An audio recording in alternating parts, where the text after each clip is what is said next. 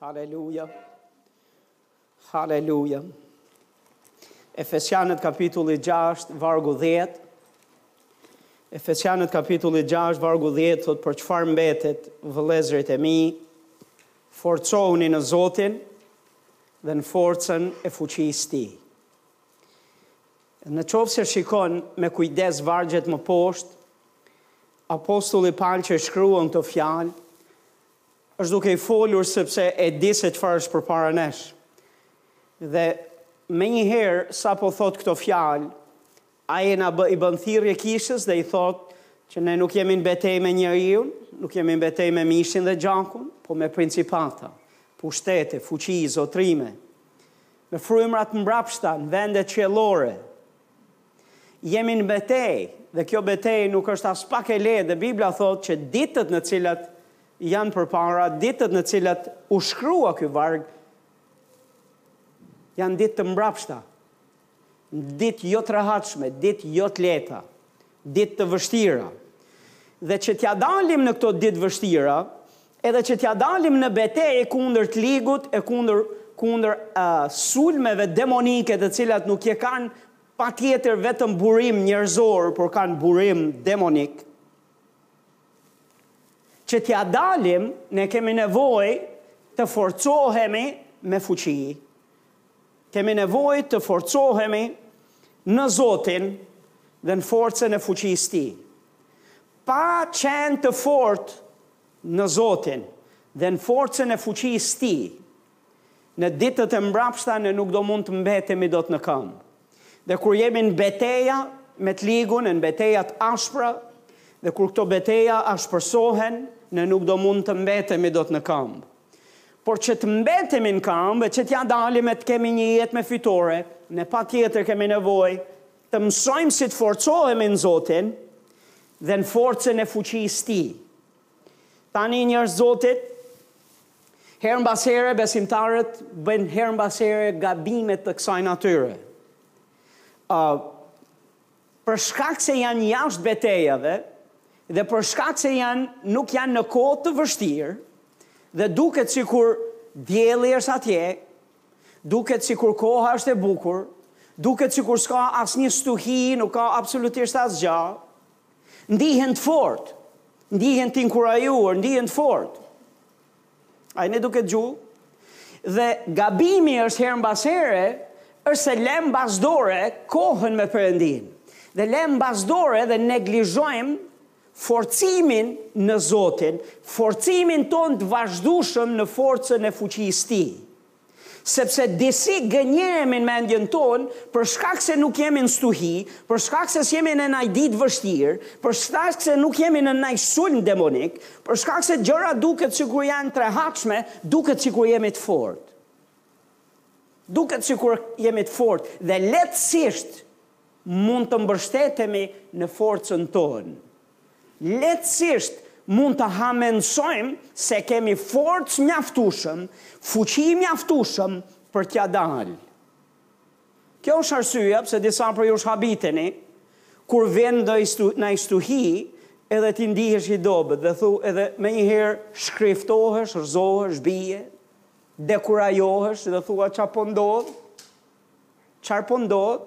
Është sepse ke Ke lënë mbas dore forcimin në Zotin dhe gjithashtu nuk je forcuar në forcën e fuqisë së Tij. Për çfarë mbetet, thotë njeriu i Zotit, ta bësh prioritet të vazhdueshëm pikërisht këtë gjë, thotë, Forcohu në Zotin. Ti je i fortë në Zotin, forcohu akoma më shumë. Je i fortë në forcën e fuqisë tij, forcohu dhe, dhe mbaje veten tënde të fortë në mënyrë të vazhdushme. Amen? Haleluja! Për çfarë mbetet vëllezërit e mi, forcohuni në Zotin dhe në forcën e fuqisë tij, që të mbetesh në kamb, që të përballosh çfarëdo lloj sulmi që vjen, që në ditë të mbrapsht, Dita e mbrapsht mos jetë ditë e mbrapsht për ty, po ti ta kthesh mbrapsht ditën e mbrapsht dhe ta kthesh në ditë të mbarë. Sepse shkrimi, fjala e Zotit thotë, kjo është dita që Zoti krijoi, unë do të gëzohem dhe ngazëllohem në të. Perëndia nuk krijon dhe nuk ka krijuar ditë të mbrapsht. Dhe në qoftë se ne forcohemi në Zotin dhe në forcën e fuqisë tij, edhe kur dita jonë troket dhe ulëret dhe kërkon të jetë e mbrapsht, nëse ne jemi të fortë në Zotin e në forcën e fuqisë tij, ne do ta kthejmë mbrapsht atë ditë. Dhe ajo ditë do jetë ditë e lavdishme për ne. Do të jetë ditë gëzimi e ngazëllimi për ne. Haleluja. Si t'i kthejmë ditët e mbrapshta në ditë ditë gëzimi dhe ngazëllimi? Si ti kthejmë? Në qoftë se, në qoftë se prioritet bëhet forcimi ynë në Zotin dhe në forcën e fuqisë tij. Tek Efesianët kapitulli 3, Efesianët kapitulli 3, vargu 3, 14, deri tek vargu gjashtëmbëdhjetë. Po para se të lexojmë atje, Efesianët kapitulli gjashtë, vargu tetëmbëdhjetë, që është mbas vargut dhjetë, unë besoj se është kyç në forcimin tonë në Zotin dhe në forcimin tonë në forcën e fuqisë së tij. Ky varg na tregon se nëse ne bëjmë pikërisht këtë gjë dhe e vemë në zbatim këtë varg, ne do jemi të fortë në Zotin dhe në forcën e fuqisë Tij. Shihni se çfarë thotë shkrimi, thotë duke u lutur në çdo kohë, duke u lutur thotë në çdo kohë dhe me çdo lloj lutjeje dhe përgjërimi në frymë, duke ndenjur zgjuar për këtë qëllim me çdo ngulmim dhe lutje për gjithë shenjtorët. Dikush thotë amen. Çfarë thotë pra duke u lutur në çdo kohë? Dhe me çdo lloj lutjeje. Çfarë është duke thënë? Është duke thënë që paska lloje të ndryshme lutjesh. Dhe në çdo kohë ne duhet të jemi duke u lutur. Në mënyrë të vazhdueshme. Dhe thotë dhe përgjërimi në frymën, thotë duke ndenjur zgjuar për këtë qëllim, me çdo ngulmim dhe lutje na e përsërit përsëri, por kësaj radhe na thotë për gjithë shenjtorët. Dy gjëra që shikoj këtu në lutje, përveç se na bën thirrje që ne të lutemi në çdo kohë dhe me gjithë me çdo lutje, Është duke na thënë të lutemi një për veten tonë dhe dy të lutemi për shenjtorët, për të gjithë. Një pjesë e besimtarëve luten dhe presin që gjithë shenjtorët të luten për ta dhe luten veç për veten e tyre. Nuk është gabim të lutesh për veten tënde, nuk është gabim ta rrethosh veten me njerëz dhe të kërkosh që të tjerët të luten për ty.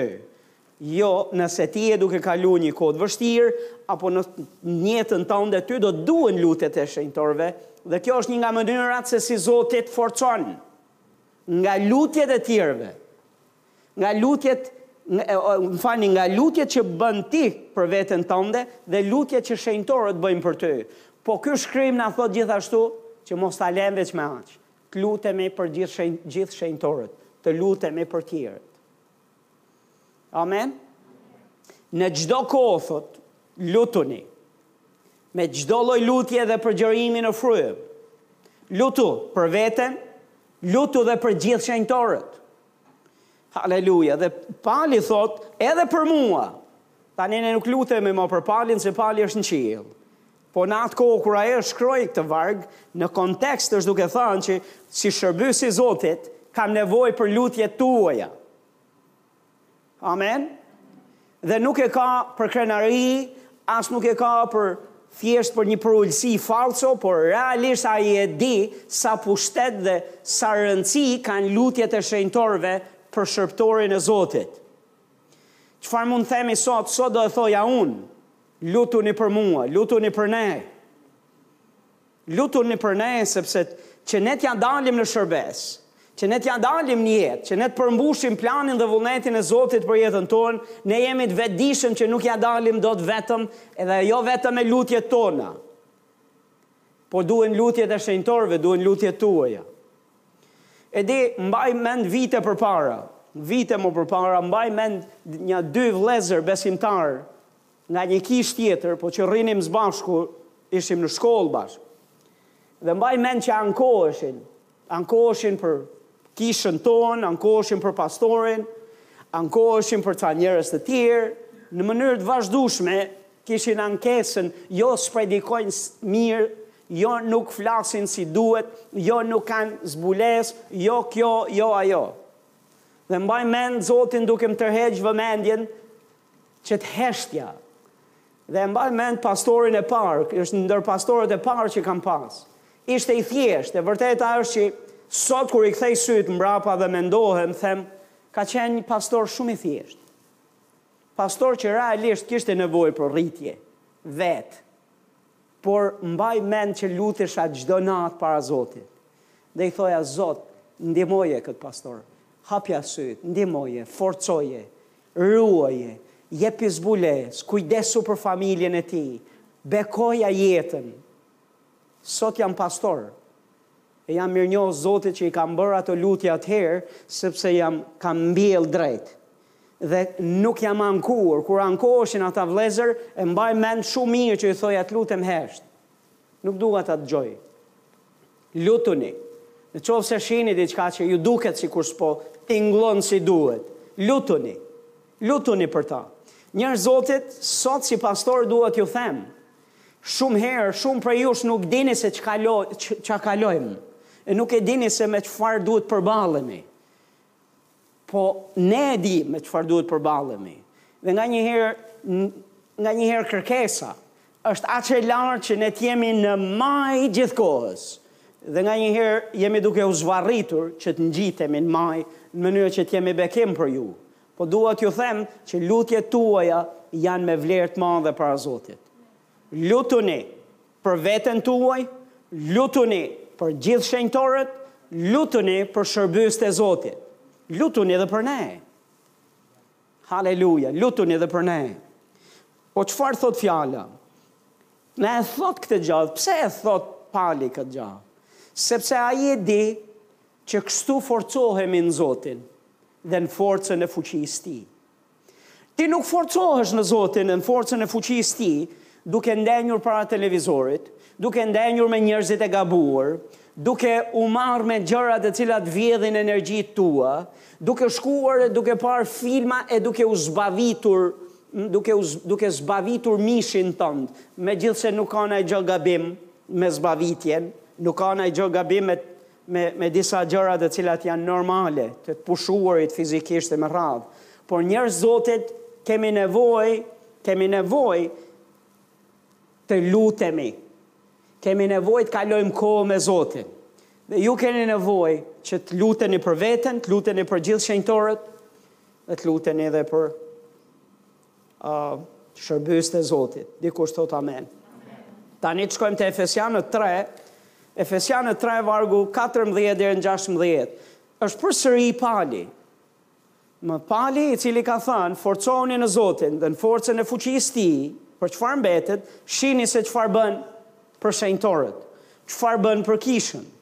Thotë, Për këtë arsye, thotë, unë po i ul gjunjët e mi përpara Atit të Zotit tonë Jezus Krisht, nga i cili, thotë, merr emër çdo familje në qiej dhe mbi tokë. Pse lutet, thotë, që t'ju japë, sipas pasurisë së lavdisë së vet, të forcoheni me fuqi nëpërmjet frymës së tij në njeriun e përbrendshëm. Pra kush është ai që na jep ka forcë dhe ku e merr ka këtë forcë që na e jep?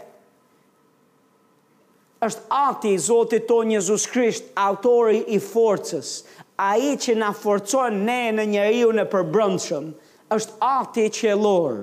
Po Ati qiellor merr nga forca e fuqisë, e frymës. Mm, e merr nga pasuria e lavdisë së vet. nga pasuria e lavdisë së vet. Merr Ati thot dhe na forcon nëpërmjet frymës. Fryma e shenjtë me drejtimin e Atit na forcon në njeriun e brendshëm me fuqi. Ama Pali e di që Ati ta bëjë këtë, që fryma ta bëjë këtë, duhet dikush të ulë gjunjët e duhet të lutet. Prandaj edhe ai ul gjunjët edhe lutet. Amen. Lutet që të forcohemi, që të gjithë shenjtorët të forcohen në njeriun e përbrendshëm me fuqi. Shumë e rëndësishme. Lutja është çelës dhe burim force. përbrenda besimtarit. Më thuaj një besimtar që lutet apo luten tjerët për të, a një shërbesë dhe të të them që dikush është duke u lutur. A individ apo tjerë janë duke u lutur mbas tij. Më thuaj e më fol për një shërbesë e cila është duke pas impakt në botë, është duke ndikuar, duke bërë progres, duke sjell, duke sjell ndryshim. Me lehtë të them që ka është ai individ apo njerëz rreth rrotull tij që janë në lutje në gjunjë përpara Zotit. Sepse janë të lidhura me njëra tjetrën. Dikush thot amen. Haleluja. Shumë e rëndësishme njerëz të Zotit, ne duhet të mësojmë të forcojmë veten në Zotin. Të forcohemi në Zotin dhe duhet të mësojmë Pikërisht këtë sekret duhet ta mësojmë vetë. Pastaj, Haleluja, ne duhet gjithashtu që të lutemi për tjerët dhe do t'ju tregoj edhe një sekret tjetër gjithashtu që besoj do të na ndihmojë shumë në forcimin tonë e, në në forcën e fuqisë së Zotit. Tek e, e dyta e Samuelit, shkoni me mua, dyta e Samuelit kapitulli 30. E dyta e Samuelit tridhjetë, vargu një thotë, Kur Davidi dhe njerëzit e tij arritën në Ciklag ditën e tretë, amalekitët kishin kryer një plaçkitje në Negev dhe dhe në Ciklag. Kishin pushtuar Ciklagun dhe i kishin vënë zjarrin. Kishin zanë robër, thotë gratë dhe tërë ata që ndodheshin aty, të vegjël a të rritur. Nuk kishin vrarë asnjeri, por i kishin marrë me vete, thotë dhe kishin shkuar. Kur Davidi dhe njerëzit e tij arritën në qytet, ja qyteti ishte shkatërruar nga zjarri dhe gratë, bi, bijtë dhe bijat e tyre i kishin marrë me vete si robër. Atëherë Davidi dhe tërë ata që ishin me të ngritën zërin dhe qanë derisa nuk patën forcë të qajnë. Dy bashkëshortet e Davidit, jezreelitja Ahinoama dhe karmelitja Abigail, e cila kishte qenë bashkëshorte e Nabalit, figuronin gjithashtu midis robërve. Davidi ishte shqetësuar shumë se njerëzit flisnin për ta vrarë me gurë, sepse të gjithë e kishin shpirtin të trishtuar për shkak të bijve dhe bijave të tyre. Por, thotë, Davidi u forcua tek Zoti, Perëndia i tij. Pastaj Davidi tha priftit Abiathar, birit të Ahimelekut, Të lutem më sill efodin. Abiathari i solli efodin Davidit. Kështu Davidi u këshillua me Zotin dhe e pyeti, A duhet ta ndjek këtë bandë? Do ta arrij? Zoti iu përgjigj, Ndiqe, sepse do ta arrish me siguri dhe do ta rimarrësh patjetër çdo gja. Dhe nëse shikon në pjesët pasazhin më poshtë, ti do të gjesh që çdo gja që kishte humbur, çdo gja që ishte rrëmbyer dhe marrë në robëri, ai e fitoi. Ai e fitoi bashkë me plaçkë të madhe. Ama më leni pak të flas pak për këtë situatë se është shumë e rëndë, shumë shumë e peshë. E di në këtë pikë Davidi mori një vendim. Dhe vendimi i Davidit po të shihni tek uh, vargu 10 i kapitullit 29 ishte Davidi dhe njerëzit e tij u ngritën herët në mëngjes për t'u nisur dhe për t'u kthyer thotë në vendin e filistejve. Filistejtë përkundrazi shkuan në Jezreel. Dhe çfarë ndodhi? Ndërkohë që Davidi bëri këtë lëvizje, bëri këtë lëvizje duke besuar se është duke bërë gjënë e duhur, duke besuar se është duke shkuar në vendin e duhur, duke besuar se po ndjek strategjinë e duhur, rezultoi që bëri një lëvizje të gabuar dhe gati gati fatale për gjithë vendin. Dhe Bibla na thotë pastaj, kur Davidi dhe njerëzit e tij arritën në Ciklag ditën e tretë, amalekitët thotë kishin kryer një plaçkitje në Negev dhe në Ciklag. Domethënë, nga njëra anë Davidi dhe ushtarët kishin shkuar diku tjetër dhe lanë vetëm popullin, lanë vetëm Ciklagun. Lanë vetëm fëmijët, gratë dhe njerëzit, e gjithë popullin, e gjithë qytetin. Dhe Bibla na thotë që amalekitët erdhën, dogjën gjithë vendin, rrëmbyen fëmijët, rrëmbyen gratë, shkatërruan gjithçka, i zu në robëri, dhe kur erdhi Davidi bashkë me burrat e tij, gjetën një lloj katastrofe të tillë. A jeni duke dëgju? Dhe Bibla thotë ishte kaq dëshpëruese situata, kaq u dëshpëruan që me, da, me Davidin e me gjithë ato burra, sa thotë qanë e qanë me të madhe, derisa nuk patën më forcë të qajnë. Nuk ka ku shkon më trishtimi, dhimbja dhe dekurajimi i gjithë këtyre. Në rregull? Dhe Bibla na thotë që bashkë me humbjen që ju ndodhi burrave, që ishin në krah të Davidit, edhe Davidi kishte pësuar humbje, sepse thotë dy prej grave të tij ishin larguar, më ishin rrëmbyer dhe në të njëjtën kohë gjithë ajo, gjithë ajo mbretëri, gjithë ai vend që shikonin, gjithë ata njerëz që shihnin nga Davidi, Tani ç'të shihnin më? Bibla thotë, kërkonin, ishin të dëshpëruar, thotë dhe vargu gjashtë, Davidi ishte i shqetësuar shumë, sepse njerëzit flisnin për ta vrarë me gurë. Sepse të gjithë e kishin shpirtin të trishtuar për shkak të bijve dhe bijave të tyre. Domethënë edhe ato burra që ishin krah me Davidin, mbasi qanë e qanë së bashku, Thotë filluan, filluan të flasin. Njerëzit thotë filluan të flasin. Dhe Davidi ishte i trishtuar sepse flisnin ta vrisnin me gurë. Tani a imagjinojeni pak veten në një situatë kësaj natyre. Je dëmtuar, familja jote është dëmtuar, është dëmtuar gjithë vendi, Është djegur në zjarr, janë rrëmbyer fëmijë, janë rrëmbyer gratë, janë rrëmbyer njerëzit në robëri dhe nuk dihen se ku janë dhe nuk dihen a kthehen apo nuk kthehen, është një humbje katastrofike në të natyrshmen. Gjithçka duket e errët dhe duket pa rrugëdalje e pa rrugëzgjidhje. E jo vetëm Davidi thotë, Davidi ishte i trishtuar për veten e vet, sa qau bashkë me tjerët, thotë sa s'pati më forcë për të qarë. Por, mbi këto, thot njerëzit, njerëzit u kthyen nga ai dhe kërkonin thot ta vrisnin me gurë. Nuk pak se ishte i trishtuar për vete, pak se ishte i dëmtuar për vete, mbi gjithë këtë situatë, thot njerëzit kërku, flisnin dhe kërkonin ta vrisnin me gurë. Dhe i shtuan trishtim mbi trishtim Davidit. Por, ky burrë i Zotit bëri një gjë të jashtëzakonshme, të pazakontë. Dhe na thot një varg shumë i thjeshtë, Por, thotë, Davidi u forcua në Zotin. Domethënë, Davidi, qau.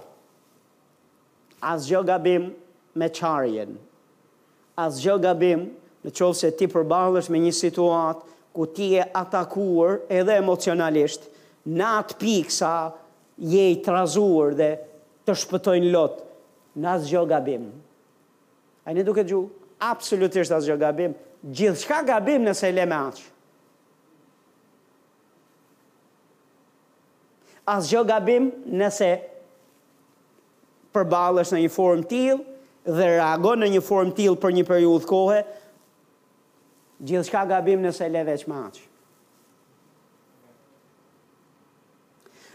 Asgjë gabim që ti të shohësh, të, të trishtohesh dhe të reagosh ndaj një situate e cila nuk është e mirë, emocionalisht të trazohesh.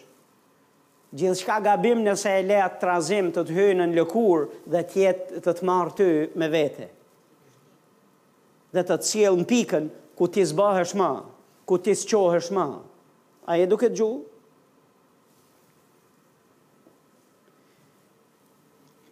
Ndoshta ti ke bërë gabime, sepse njerëz të Zotit më rezulton që në stuhi ne mund të jemi për shkak të fajeve tona, gjithashtu edhe për shkak të fajeve tjerëve. Shumicën e kohës ne, përba, ne, ne nuk shohim asnjëherë te vetja. Gjithmonë shohim te faji i tjerëve, shohim gjithmonë tek sulmet e të ligut. Po më rezulton që nganjëherë janë lëvizjet tona të gabuara, të cilat shkaktojnë dëm, dhimbje për veten tonë, dhimbje edhe për njerëzit përreth nesh. A jeni këtu? Në këtë rast Davidi bëri gabim vetë. Davidi u largua nga vendi dhe e la popullin vetëm. Kjo është një lëvizje strategjike e gabuar. A jeni këtu? Por pamvarsisht i kujt është faji njerëz të Zotit pamvarsisht nëse je duke vujt për shkak një arsye a një tje, arsyes tjerëve apo arsyes tënde mos e le me aq vetë ju them si pastor mos mos ngel peng Edhe të vetë të dënosh veten tënde, të masakrosh veten tënde, sa i pakujdesshëm u tregove, si e bëre ti atë që bëre, po ti se kishe menduar kurrë se mund ta bëje një veprim tillë, po ja që e bëre. Sigurisht që të them se lëndove jetët e shumë njerëzve, jetën e dikujt tjetër. Dakord të them, po vetëdënimi dhe gjykimi i ashpër i vetes tënde nuk ndihmon.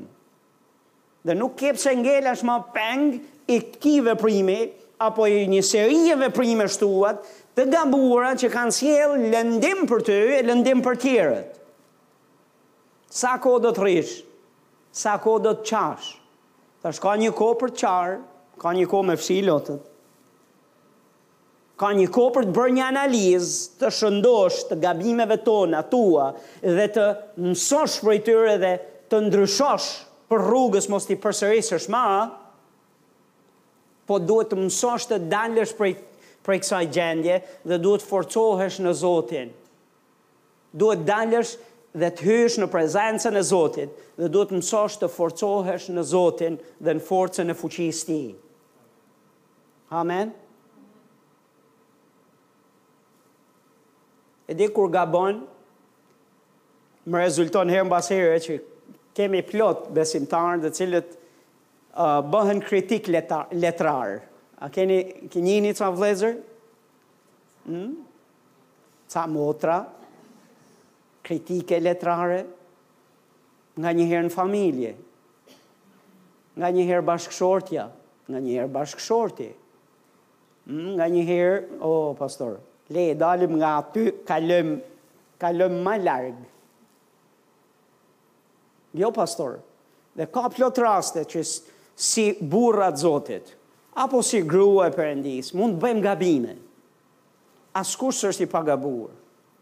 Dhe nganjëherë mund të bëjmë gabime që sjellin lëndim për veten tonë, sjellin lëndim për familjen. Është e lehtë që të fillosh të marrësh gurët në dorë dhe të kërkosh ta vrasësh tjetrin me gurë. Pastor, po ne nuk marrim gurë sot. Po, pastor, po gurët sot janë bërë gurë modernë, jemi në kohë moderne, mm? ne kemi fjalë, ne kemi sjellje, ne kemi veprime, mm? ne kemi ndëshkim, ne kemi ndëshkime, qoftë dhe me heshtje. Me që ra fjala, s'ka, për ata që janë të martuar, e dinë këtë gja, e dinë mirë se qa, sa vrastare është ajo heshtja që s'flet. Më mirë merr gur, më mirë merr gur dhe hidh se sa a të bësh atë heshtjen që as s'e di ku është, as s'e di ku s'është. Më ka mënyra për të hedhur gurë, ja gurët janë, sofist, janë të sofistikuar në 2021-shin. Janë të marrin lloj-lloj formash. Po njerëz Zoti duhet të jemi të mëshirshëm me njëri tjetrin. Jo të kërkojmë të vrasim njëri tjetrin me gurë. Dhe të themi si u soll kështu. Si veproi kështu. Si ma bëri kështu.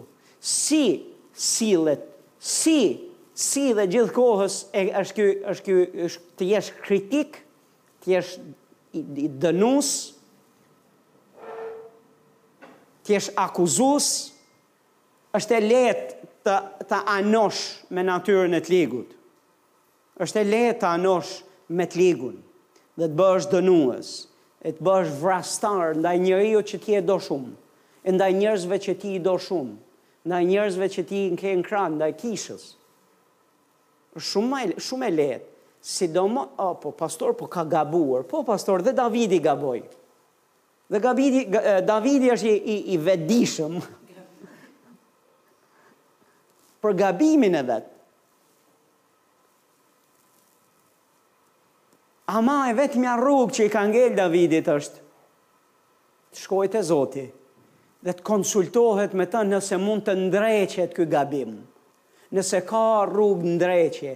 Dhe sa për ju që mbani mend që këtu kishte ndreqje, Kishte rrugëdalje? Zoti tha po. U konsultua me Zotin, thotë mori efodin, hyri në lutje dhe i tha Zotit, atë që i tha, tha, a mund të, Zot, a do të, a duhet ta ndjek këtë bandë, do ta arrij, Zoti iu përgjigj i tha, me siguri, do të rikthesh gjithçka, dhe ashtu ndodhi. Sa prej jush mbani mend që të njëjtën lloj lutje bëri në kohën kur djali i vet që i kishte lindur ishte i sëmurë. Dhe Bibla thotë që nuk pat sukses, nuk pat rrugëdalje. Ama ne shohim Davidin. Davidi u qua, Davidi vazhdoi rrugën. Davidi vazhdoi përpara. Amen? Edhe ti dhe unë duhet të mësojmë të forcohemi në Zotin, dhe nëse zgjidhet naj gja mirë, nëse nuk zgjidhet, vazhdojmë rrugën përpara, e jo të mbetemi peng i të kaluarës, peng i gabimeve dhe dështimeve tona. A jeni këtu me mua, po jo? Ka ndonjëri naj dorë, ka naj gur me vete? Nuk i lë, kemi pastorin këtu, thot nuk i lë unë, thot mos kemera. Mi lavdi Zotit. A është Zoti i mirë? Mendoni pak për gjendjen e Davidit, nuk ka ku shkon më, më rëndë se sa kaq. Vetë është i lënduar, gjithçka që shef përreth është shkatërruar, ka atë peshën e përgjegjësisë për veprimet e veta që e ndien që gjithë ky popull po rënkon e është i lënduar për shkak të gabimit të vet në të një në të ndërkohë që ka gjithë atë dhimbje në zemrën e vet mbi këta populli dhe dhe njerëzit e tij duan ta vrasin me gurë E megjithatë, thotë Bibla, ai u forcua në Zotin. Por, thotë, ai u forcua në Zotin. Po ta shihni në origjinal këtë fjalën që thotë, por ai u forcua në Zotin. Si u forcua në Zotin? Si u forcua ai në Zotin? Në origjinal fjala është thotë ai inkurajoi veten në Zotin. Në qoftë se ti e sheh me kujdes, thotë, ai inkurajoi veten në Zotin. Që do të thotë hyri në një vend dhe filloi t'i flas vetes dhe ta inkurajojë veten. Në atë kohë nuk kishte asnjë njeri në krah për t'i dhanë forcë. Asnjë njeri për t'i thanë një fjalë të mirë. Asnjë njeri për t'i dhanë zemër. Absolutisht askush, gjithë donin ta vrisnin. E megjithatë, ai e gjeti një njeri. Dhe atë njeri, ai njeri ishte ai vetë. Dhe se si i foli ai vetes në kushte të tilla, vetëm Davidi e di. Por besoj se psalme si puna e psalmit 103, që thot shpirti im, Beko Zotin shpirti im dhe mos harro asnjë nga veprat, asnjë nga të mirat që ai ka bërë. Amen. Dhe gjithë gjërat që përmend pastaj, ai të fal paudhësitë, ai të shëron nga gjitha sëmundjet, ai të shpëton nga gropa, ai të bën t'ri si shqiponja, ai është mbrojtja jote, gjithë ato, ai është si një atë i mirë që kujdeset për fëmijën e vet Ai është i mëshirshëm, Ai është i hirshëm, Ai është i ngadalshëm në zemërim, Ai nuk hahet me njeriun përgjithmonë. Me psalme të tilla, Ai është duke ia folë vetes, është duke ia kujtu vetes, është duke i thënë shpirtit vet i cili është i ligështuar që nuk do që është duke qarë, është në dhimbje dhe nuk do që të bekojë Zotin, i thotë të urdhëroj bekoje Zotin. Ti shpirti im, këtë do të bësh. Do të bësh ça të them unë. Më leni t'ju them një gja njerëz Zotit. Ndryshimi mes një njeriu të pjekur në Zotin, nga një njeriu që është akoma i brisht dhe akoma i ri në besim në gjërat e Zotit, Dallimi është pikërisht te kjo pika këtu. Sepse ke besimtarë të cilët ë kur ju ligështohen, ligështohet shpirti, kur vijnë në pikën ku emocionet e tyre nuk emocionet e tyre thonë nuk do të bekojmë Zotin. Kur rrethanat rrethërrotull ulërasin ulërasin që të mos bekohet Zoti, Një i pjekur e urdhëron shpirtin e vet dhe thotë, Jo, jo, ti nuk do bësh çfarë ndjen, ti nuk do bësh se çfarë të sugjerohet nga rrethanat e jetës edhe nga gjërat që ke përreth, ti do të bësh ç'të them unë, ti do të ç'të thotë fryma ime, ti do ta bekosh Zotin e nuk do harrosh asnjë nga të mirat që Ai ka bërë për ty. Amen. Dhe thotë ai u forcua në Zotin, ai inkurajoi veten në Zotin. E di që ti je me veten tënde më shumë se sa që është dikush tjetër me ty. Dhe besom, meqë je me veten më shumë se sa gjithkush tjetër rreth teje, është mirë që ti të mësosh veten që ti që vetja jote, ti t'i flasësh vetes, ta inkurajosh veten në Zotin. Dhe në qoftë se e mëson këtë gja, njerëz Zotit, kurrë nuk do ndihesh më vetëm, kurrë nuk do ndihesh më i paforcë, kurrë nuk do të të mungojë asgja. Pse? Sepse ti mëson si të forcosh veten në Zotin, duke inkuraju veten në Zotin. Haleluja, gjej shkrime nga fjala e Zotit, dhe rrëfeje flitja vetes tande Haleluja! Kujtoji vetes kush je në Krishtin. Kujtoji vetes se çfarë mund të bësh në Krishtin. Kujtoji vetes se çfarë të drejtash të janë dhënë ty në Krishtin. Kujtoji vetes se sa madhështor është Perëndia. Sa i mirë është Perëndia. Çfarë ka bërë ai për ty? Ku është ai, që ai është brenda teje, që ai është me ty, që ai nuk të le, nuk të braktis kurrë.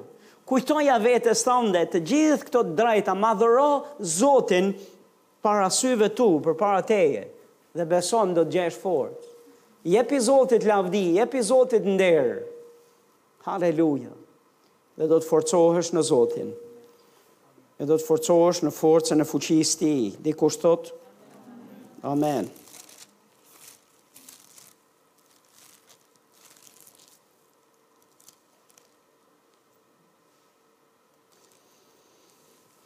Efesianët pesë, vargu shtatëmbëdhjetë e poshtë thotë prandaj mos u bëni të pakujdesshëm, por kuptoni cili është vullneti i Zotit. Tani ne mund ta lëmë këtu dhe mund të themi, mund të predikojmë për vullnetin e Zotit, dhe ta marrim në drejtime nga më të ndryshmet dhe jemi po prapë në rregull, por në kontekst çfarë është duke thënë. Thotë dhe mos u dehni me verë në të cilën ka shthurje por mbushuni me frymë. Çfarë është duke thënë, është duke thënë që ky është vullneti i Zotit që ju mos të deheni me me pije dehëse. Sepse në pije dehëse ka ekses, ka shthurje. Ti flet gjëra të cilat s'duhet t'i thuash, ti bën gjëra që s'duhet t'i thuash, ti mendon gjëra që s'duhet t'i thuash, ti s'ke kontroll në në në në veten tënde, por nëse je i mbushur me frymën, ky është vullneti i Zotit. Fryma e Zotit do të ketë kontroll mbi ty, mbi të folurën tënde, sjelljet, motivet e gjithë gjithë veprimet tua. Dhe na thotë pastaj si të mbushemi me frymën. Vargu nëntëmbëdhjetë Duke i folur njëri-tjetrit me psalme, me himne dhe këngë frymore, duke kënduar dhe duke lavdëruar Zotin me zemrën tuaj, duke falënderuar vazhdimisht për çdo gjë Perëndinë dhe Atin në emrin e Zotit tonë Jezus Krisht, dikush thotë Amen.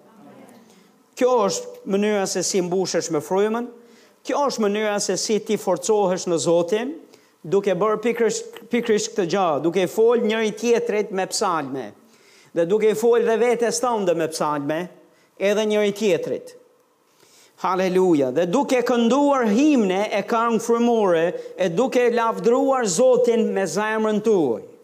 Kur lavdron Zotin, prezencën e Zotit, kur ti jep lavdi Atij, kur ti këndon psalme, kur ti flet psalme, himne, dhe je duke i rrëfyer, duke i shpallur nga goja jote, në këtë mënyrë je duke inkuraju veten në Zotin, je duke forcu veten tande në Zotin. Je duke u mbush me frymën e Zotit. Haleluja, Zoti është i mirë.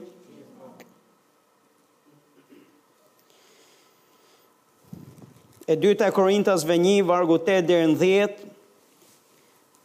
tashmë këto janë vargje që ne i kemi përsëritur disa herë dhe duhet t'i përsëris shumë herë, sepse kam arsye dhe qëllim pse i përsëris vazhdimisht në shërbesat e predikimet e mia, sepse duhet që të shihni rëndësinë dhe peshën e këtyre vargjeve. Sepse nuk duam o vëllezër thotë që të mos dini për vështirësitë që na ngjau në Azi që u rënduam përtej forcave tona aq sa u dëshpëruam dhe për jetën vetë por më tepër ne e kishim në veten tonë vendimin e vdekjes që të mos besonim në veten tonë por në Perëndinë që ringjall të vdekurit. i cili thotë na ka çliruar dhe na çliron nga një vdekje kaq e madhe dhe tek i cili ne shpresojmë se do të na çlirojë edhe ma, dhe thotë me ndihmën tuaj, me anë të lutjeve për ne, që shumë njerëz të falënderojnë për dhuntinë e hirit që do të na jepet me anë të lutjeve të shumë njerëzve. Ça është duke thanë? Është duke thanë që ndihma për të cilën kemi nevojë, hiri i Perëndisë që të jetë aktiv në jetën tonë, Dhe që të çlirohemi nga gjëra ku duket se s'ka liri dhe çlirim në forcë njerëzore, lutjet e shenjtorëve janë janë jetike. Lutja e shenjtorëve është jetike. Sa prej jush do doni që shenjtorët luten kur ti kalon shtigje tilla? Ti nuk do doje të ishe vetëm, apo jo? Atëherë më le të të jap një sekret, pastori, mos i le vetëm. Ti, shenjtorët e Zotit, po lutu për ta. Dhe në qoftë se lutesh ti për ta, Haleluja, Perëndia do të sigurohet gjithashtu që të tjerë do të jenë duke u lutë për ty. Dhe kishë e Zotit, ju lutem, ne duhet dalim nga, nga, jo, nga egoizmi ju. dhe që të bëjmë lutje veç për veten tonë. Thashë, nuk është gabim të lutesh për veten tande, është gabim ta lesh veç aq. Duhet të lutemi edhe për tjerët. Duhet të lutemi për shenjtorët e Zotit. Amen. Çfarë na thotë shkrimi? Thotë me ndihmën tuaj, me anë të lutjeve për ne, që shumë njerëz të falënderojnë thotë për dhuntinë e hirit që do të na jepet me anë të lutjeve të shumë njerëzve. Me pak fjalë lutja e shumë njerëzve aktivizoka hirin, lutja e shumë njerëzve çliroka, lutja e shumë njerëzve Zotit sillka ndihmë dhe sillka bekim. Efesianët kapitulli gjashtë vargu tetëmbëdhjetë duke bërë duke u lutur thotë në çdo kohë me çdo lloj lutje dhe përgjërimi në frymën dhe thotë duke u lutur në mënyrë të vazhdueshme për gjithë shenjtorët. Tek lutjet e Efesianëve ti do të gjesh që Pali lutet për të gjithë shenjtorët. Edhe ne duhet të mësojmë të lutemi dhe duhet të lutemi për shenjtorët, që të forcohen në Zotin dhe në forcën e fuqisë së Tij. Nuk e di a ju ka ndodhur ju, po unë e di, pastori e di, shumë herë në jetën time personale ka pasur kohë kur kam thënë Zot, Më ngrei përsëri në këmbë. Sepse e kam ndjerë dhe e kam kuptuar që jam duke ecur, po jam duke ecur pa forcë. Edhe jam duke ecur dhe mezi po ia dal e mezi po eci. Dhe ka pasur stinë dhe kohë ku kam qenë i shtrënguar nga shumë anë, aq sa kam gati gati m'është dukur sikur sikur s'po hedh, s'po bëj dot progres. Dhe e kam gjetë veten herë mbas here në pikën ku kam thënë a do ngrihem në këmbë apo jo. Ndoshta ju ka ndodhur dhe ju.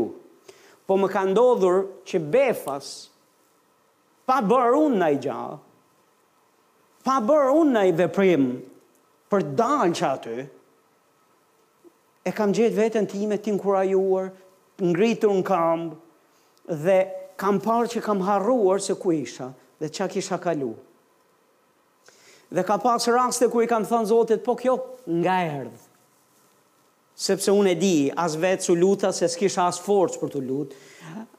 A nuk është se bëra naj gjë nga ana ime personale që të them mund t'ia atribuoj këtij veprimi atij veprimi nga ana ime që e mora veten frymërisht përsëri dhe mbaj mend që Zoti më ka kujtuar dhe më ka thënë ka njerëz që unë kam ngritur në lutje për ty.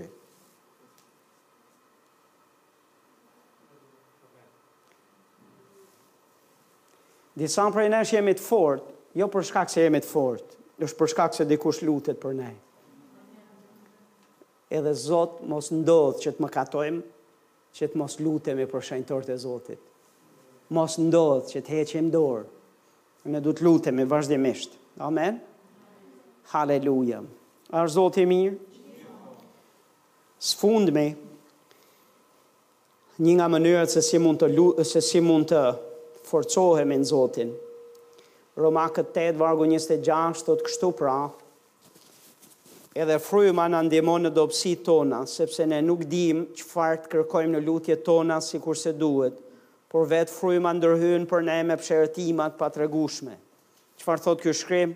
Thotë fryma na ndihmon. Fryma nuk na ndëshkon, nuk na ul poshtë, nuk na qorton, por fryma kur jemi të dobët, por thotë na ndihmon. Kjo është puna e vepra e frymës së shenjtë. Më fryma e shenjtë nuk vjen dhe thotë, po pse je kaq i dobët? Ç'ne që je kaq i dobët? Si gabove, si re, kur re, dhe të na bëjë të ndihemi dhe të biem edhe më poshtë, por na jep, na ndihmon, na vjen në krah dhe na jep forcë, na inkurajon. Haleluja! Dhe thotë, Sepse, thotë, ne nuk e dimë çfarë të kërkojmë në lutjet tona sikurse duhet, por vetë fryma ndërhyn për ne me psherëtima të patregueshme. Njerëz të Zotit është duke folur për këto psherëtimat e patregueshme, është e folura në gjuhë të reja. Është lutja në gjuhë të reja. Ne nuk dimë si të lutemi. Dhe ka plot raste kur jemi në dobësi ku nuk dimë si të lutemi. Edhe atëherë kur e dimë se duhet të lutemi dhe e tërheqim zvarr veten dhe shkojmë në lutje dhe duam të lutemi, nuk dimë si të lutemi. Se nuk e dimë nganjëherë se ça kemi nevojë realisht. Dhe po të lihej me na pyt ne se ça kemi nevojë, ne do thonim kemi nevojë për iks gja, në fakt Zoti e di ma mirë se sa ç'e dimë ne se ç'fa ku na mund ku ku na ku çalon, ku çalojm. Ç'far na mundon dhe ç'far kemi nevojë realisht. E disa herë kam shku në prezencën e Zotit dhe kam bërë fetarin. A e keni bërë ju nanjëherë, apo jo? Hmm, kam shku, kam realizu normën, kam shku në lutje. Dhe ndërkohë që kam shku në lutje, këtu thellë përbrenda meje, kisha një britmë, një qarje të thellë, zemrës time, Zot, kam nevojë për ty. Kam nevojë për praninë tande. Të dua ty, Mirëpo çdo lloj lutje tjetër nga jashtë ishte Zot lutem për, sa thua se gjithçka shkëlqen këtu nga jashtë. Zoti është interesuar për këtë këtu brenda. Dhe kam pas plot raste kur kam dëgju zërin e Zotit që më ka thanë një fjalë thjesht të tipit të dua. Një fjalë kaq. Dhe pastaj do shpërthenin lotët, gjë që është shumë shumë okay, është shumë mirë, sepse Zoti e di se ku të dhem tamam. Zoti e di se çka ke nevojë ti tamam tamam për brenda teje. Po thjesht kur Zoti të flet, nuk është vetëm fjala të dua, po kur Zoti të flet, është duke treguar që është pranë teje. Është aty. Është i vëmendshëm. E di ç'po kalon dhe do t'ia dijë për ty. Dhe Zoti nuk është i interesuar për lojëra fetare. Zoti është i interesuar për ne vërtet. Fryma e di ç'a kemi nevojë. Dhe nëse lutemi në frymë, fryma do të na ndihmojë. Sepse fryma e shenjtë merr gojën tonë dhe i lutet Atit ekzaktësisht për çfarë kemi nevojë. Prandaj pastor ju them vazhdimisht në shërbesë, le të ngrihemi në këmbë e le të lutemi në frymë. Aq sa një pjesë e juaja, sa të them unë, le të lute, le të çohemi në këmbë, ju e dini mirë se cila është fraza tjetër, le të lutemi në frymë. Pastor nuk e kam ritual këtë gjë. Pastori e di. Dhe ju them drejtën me gjithë se ju dua shumë edhe aq sa i çmoj lutjet tuaja në kapacitetin e kësaj kosheres këtu lart. Ju them drejtën, jam më i interesuar për lutjet që i bën fryma e shenjtë nga buzët tona sesa nga ajo çfarë ne bëjmë së bashku. Sepse e di që kur fryma e shenjtë merr gjuhën tonë dhe flet në gjuhë dhe lutet në gjuhë, ndihma e qiellit vjen. Prezenca e Zotit vjen. Ajo çfarë kemi nevojë ne vjen vërtet. Ti ke nevojë për forcë? Ndihesh i dobët? Çfarë të bëj pastor, s'di si të lutesh, shko dhe lutu në gjuhë të reja. Dhe ku ka ma lehtë se sa të lutesh në gjuhë të reja. S'ke nevojë fare as të lodhesh, as të fusësh mendjen në punë, as të mundohesh, e vetmja gjë që duhet është vetëm fol në gjuhë, jepe, lëvize, hape gojën dhe lëre frymën e Zotit që të flasë. Dhe jepi pak kohë. Mos u lodh veç dy minuta, pesë minuta.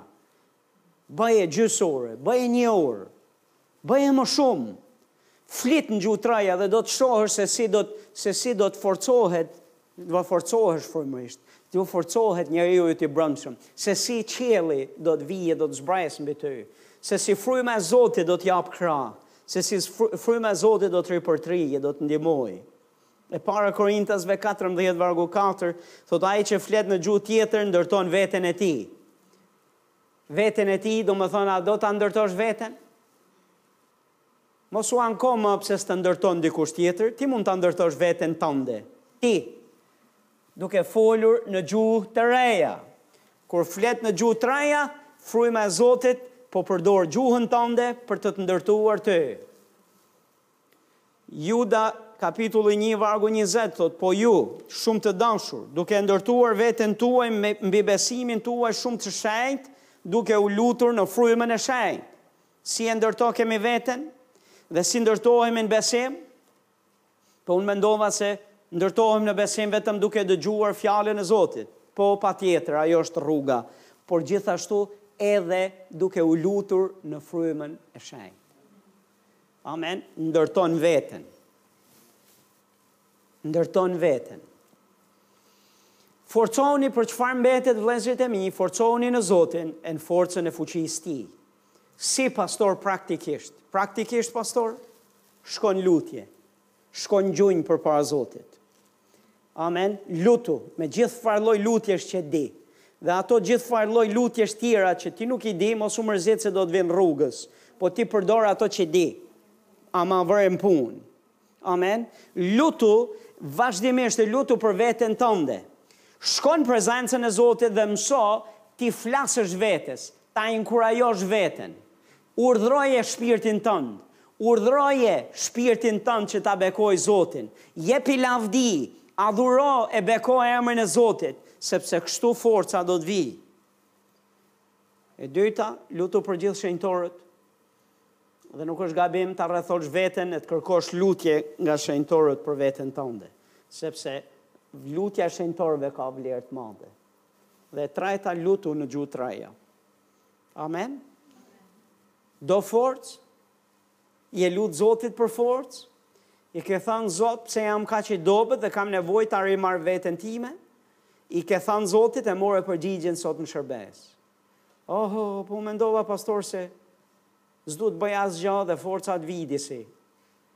Po pastor, e di se sa shumë gjëra i kërkojmë në këtë formë nga Zoti, më habi, më habit. Po gjërat nuk vijnë në këtë formë. Gjërat vijnë ne duhet ne kemi një pjesë për të bërë. Një ne duhet t'i afrohemi atij dhe ai na afrohet ne.